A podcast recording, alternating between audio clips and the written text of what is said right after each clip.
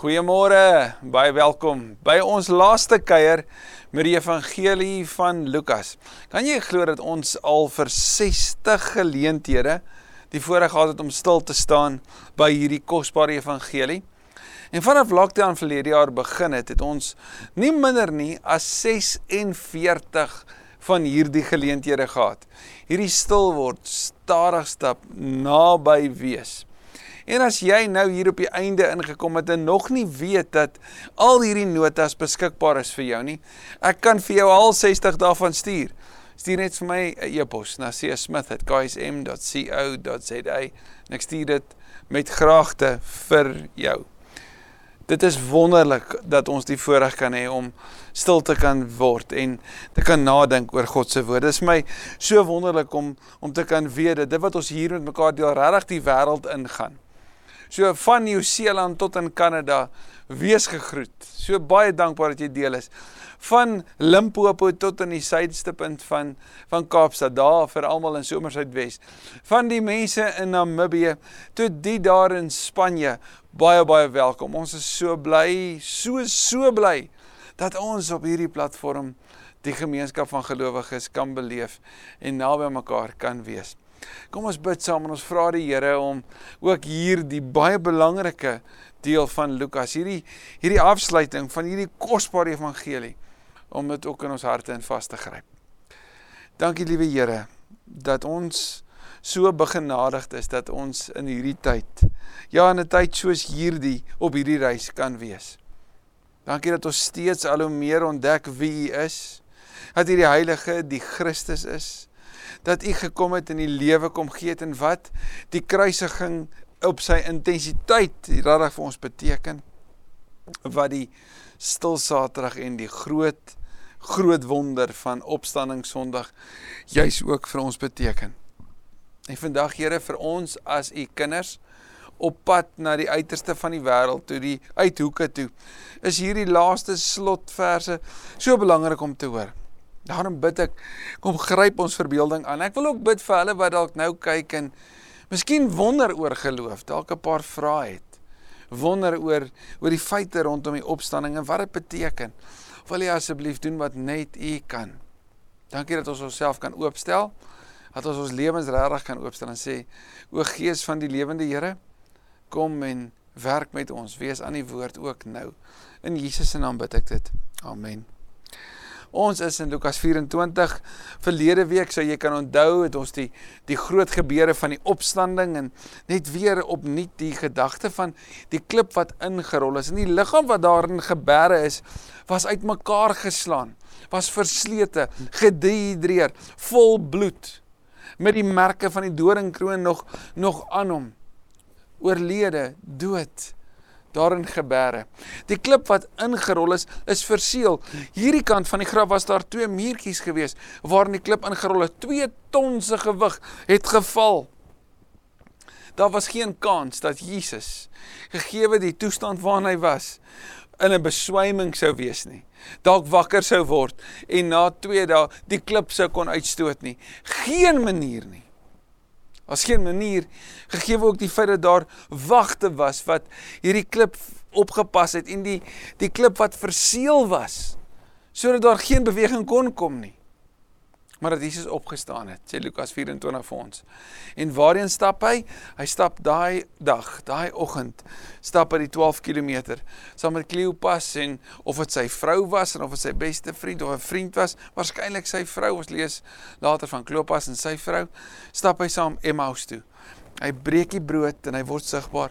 Hulle hardloop terug, daar die donker in want die die son het gesak om hulle self by die disippels te gaan aansluit. Die apostels en dan die ander gelowiges en die vroue het daai Sondag aand by mekaar gekom en dis op daai toneel waarby ons vandag by aansluit vers 36 terwyl hulle nog oor hierdie dinge praat.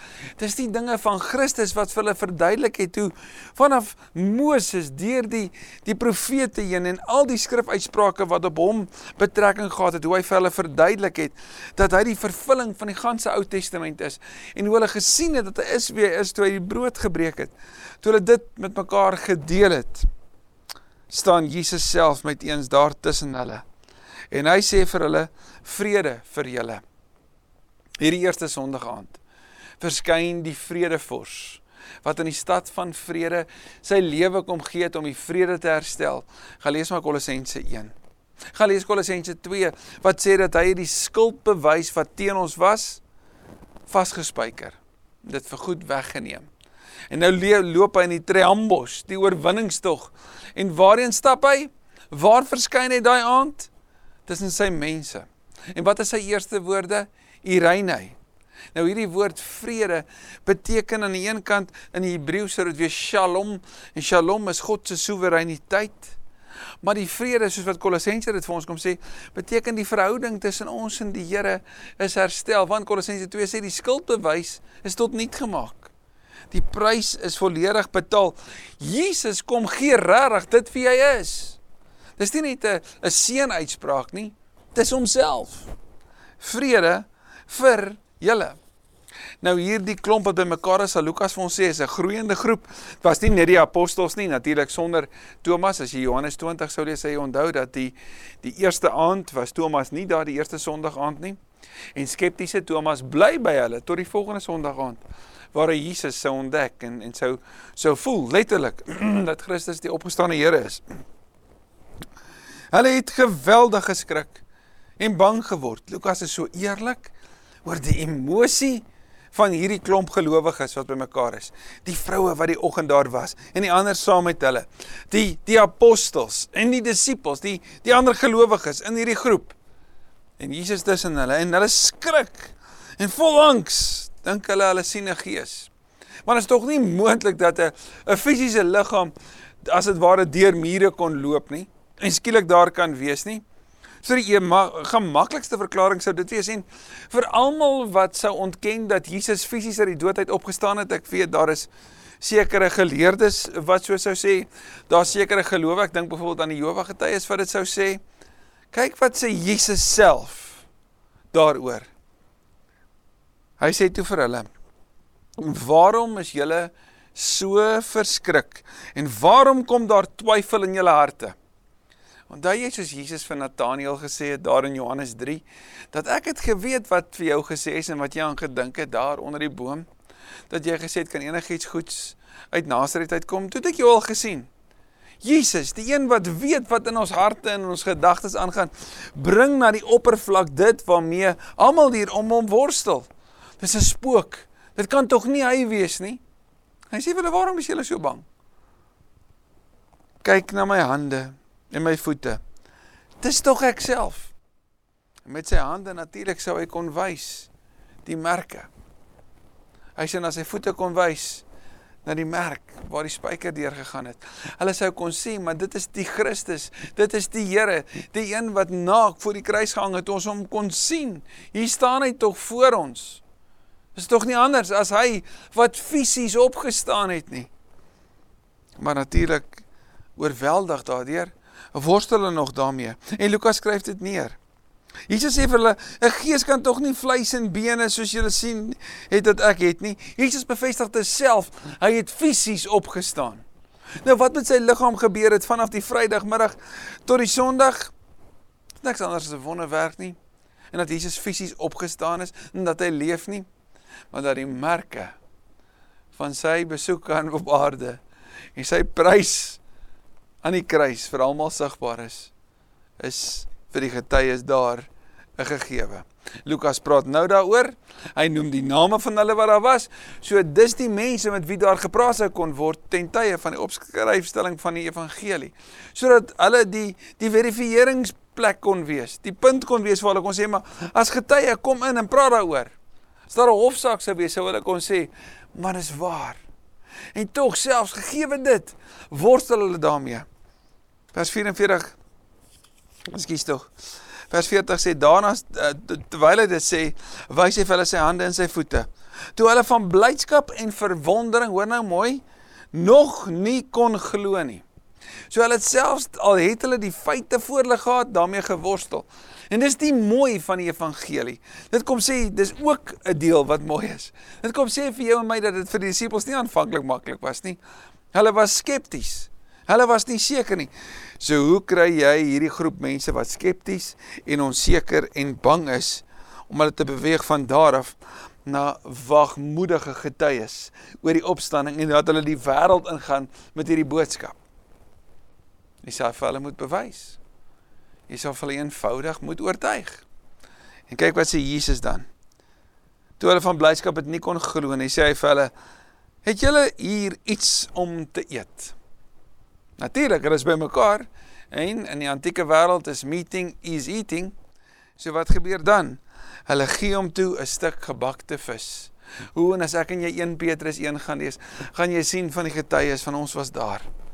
Van wat dit beteken het vir hulle en wat dit beteken vir jou en my. Hulle het gesien, daar's gebakte vis. Hulle gee dit vir Christus. Nou dis so mooi net die eerste ete wat Jesus eet is saam met die Emmausgangers. En daar eet hy brood. En hier nou saam met die groep eet hy vis. Wat is dit wat Jesus vermeerder? Brood en vis. Jesus nooi ook sy apostels vir 'n visbraai daar aan die einde van Johannes 20 21. Hy het toe hulle dit toe gevat, hy het dit toe gevat en voor hulle oë geëet. Hulle kon fisies dit sien en dis nie moontlik vir 'n gees om fisies iets te eet nie.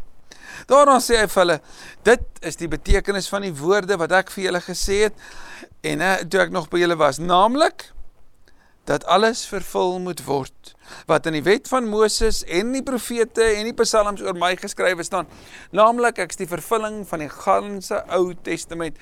Net soos wat hy dit vir die Emmausgangers gesê het net so leer hy dit nou vir hierdie groep en toe open hy hulle verstand om die skrif te verstaan. En julle as jy gaan kyk na Petrus se preke, daai drie groot preke van hom in Handelinge, is dit presies dit. Hy begin in die Ou Testament en hy vertel die storie van God en die redding in Christus en hoe Christus die vervulling van die ganse storie van God se verlossingsplan is. Op die Hodos, op die pad na Emmaus toe, kom wys Jesus, hy is die weg, die waarheid en die lewe. Hy is die Hodos. Hy is as dit ware die Exodus, die pad uit. Nie die Exodus uit slawerny in Egipte nie, maar die Exodus, die Exodus uit die slawerny van die sonde. Vers 46 verder sê hy vir hulle: "So staan daar geskrywe: Die Christus moet ly en op die derde dag uit die dood opstaan."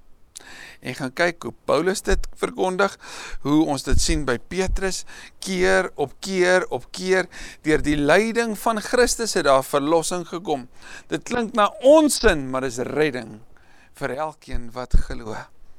En in sy naam moet bekering en vergifnis van sondes aan al die nasies verkondig word. Bekering beteken letterlik om om te draai.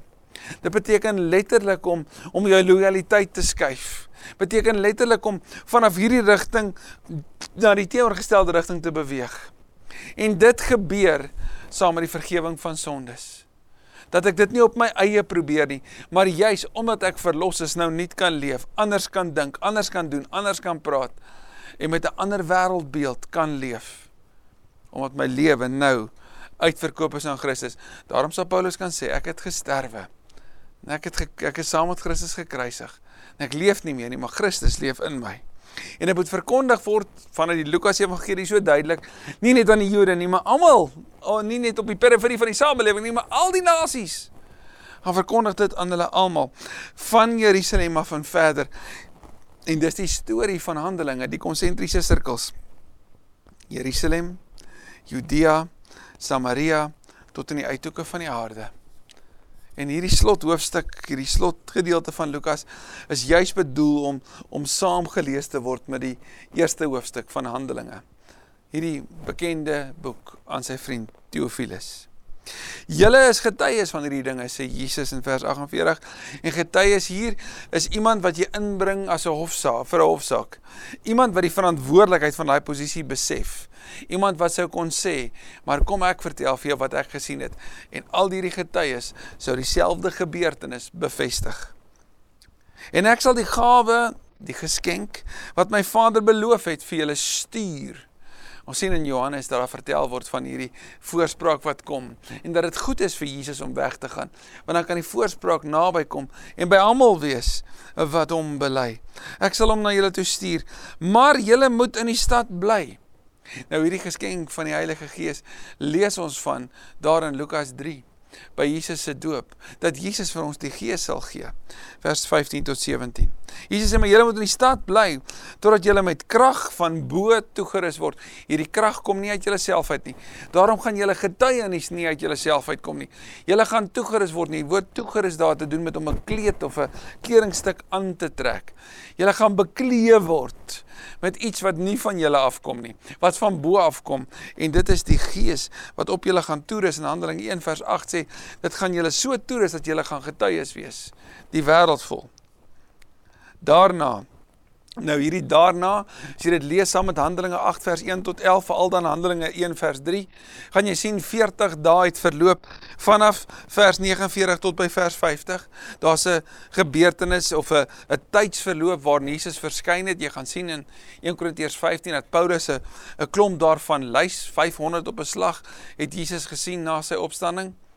Maar hier, die slottoneel van Lukas, sê Lukas die volgende. Daarna het hy hulle uit die stad uitgelei tot by Betanië. Nou, waarskynlik is hierdie teen die Olyfberg uit op die pad waar Jerigo en Betanië van mekaar af weet op die op die vurk waar dit uitvurk. Nou is op daai punt waar Jesus se grootste lyding en grootste verheerliking as dit ware bymekaar kom op die kruispad na Betanië toe. Maar sien dit was teen die hange van die Olyfberg waar Jesus gevange geneem is. En is teen die hange van die Olyfberg waar Jesus se verheerliking gebeur. Hy het hulle die stad uitgelei na Betanië. Daar het hy sy hande opgehef en hulle geseën. Die verreëse Here wat met 'n seën groet die hemel ingaan. Wat hulle seën met sy teenwoordigheid met 'n belofte dat hy by hulle sal wees het hulle geseën terwyl hy seën het hy van hulle af weggegaan en is hy in die hemel opgeneem. Kyk mooi, die Here wat fisies opgestaan het met die merke van hierdie aarde, met die merke van die mens met die merke van die prys wat betaal is. Die Here wat se laaste ete etes brood en vis was, stap so die hemel in. Stap so die hemel in. As een wat volledig mens en volledig God is. Filippense 2 word waar. Jesus se reis is klaar. Hy het die hemel verlaat, hy het onder ons kom woon, hy het gesterf, ja, die dood aan 'n kruis. Daarom het God hom opgehef en vir hom vir hom 'n naam gegee wat bo elke naam is, sodat in die naam van Jesus elke knie sal sal buig en elke tong sal bely. Christus is die Here tot eer van God die Vader. En soos wat hulle hom die hemel sien ingaan opvaar daarheen bid hulle Was dan hulle het hom aanbid. En Christus, wat die seun van God is, word aanbid deur sy volgelinge, deur die gelowiges. En wat is die byproduk van hierdie aanbidding? Blydskap. Hoor jy? Blydskap. Want die oorwinning het gebeur. Hulle het hom aanbid en met groot blydskap is hulle na Jerusalem toe terug. En Handelinge sou sê en nou is die Gees aan die werk. Christus se werk is voltooi. Nou deur die kerk is die Gees aan die werk. En die Gees werk steeds vandag om die boodskap van redding tot by die uithoeke van die aarde tot by elke volk en nasie uit te bring. Daar het hulle die hele tyd by die tempel gebly en God geprys. Lukas begin in sy openingstoneel by 'n tempel. En dan hoofstuk 1, gaan jy dit lees. Lukas sluit af by 'n tempel. Dit is in die tempel waar die gordyn van skeiding skeur. Dis by die tempel waar ek en jy ontdek dat ek en jy nou sy tempel is. Dat waar ons leef, ons die teenwoordigheid van die Heilige Here in ons lewe het. Dat ons die boodskap van redding, dat God na sy tempel toe gekom het om die tempel te reinig om die prys te betaal sodat elkeen kan weet hulle nou naby aan die Here kan leef. Waar ons dit ontdek. Lukas het hierdie inklusie van die Here van die tempel wat na sy tempel toe gekom het om die tempel te bevry. Ja, van die tempel is ek en jy. Kom ons bid saam. Here, dankie dat ons hierdie net kan inneem vandag. Stil kan dink daaroor. Dankie vir hierdie kosbare evangelie. Here, ons het maar nog net die die boonste punt daarvan kon raak. Daar's so baie om weer te gaan luister, weer te gaan kyk, weer te gaan lees. Mag hierdie nie iets wees wat ons kan sê maar goed, 60 weke later, 60 byeenkomste later is dit afgehandel nie, maar eerder dit het nou eers begin. Dalk begin ek nou eers iets daarvan te besef. Dankie vir die grootheid hiervan. Here mag elkeen van ons as vrygemaakte kinders van die Here wat vol van die vrede van God is die wêreld ingaan met die wete U is by ons en daarom is elkeen van ons 'n tempel want U is teenwoordig. Ons aanbid U Vader wat U seun gestuur het. Ons aanbid U Jesus wat hemel toe gevaar het. Ons aanbid U Heilige Gees wat uitgestort is en in ons woon. Amen. Amen. Onthou asseblief as jy gebed nodig het, stuur vir ons 'n e-pos gebed@ksm.co.za en ons bid graag saam met jou. En as die Here wil, volgende week begin ons 'n nuwe reis, 'n vars reis met 'n boek wat so nodig is vir 'n tyd soos hierdie. Die Prediker, Kohelet. Watter raad sou hy vir 'n tyd soos hierdie gee? Sien jou dan.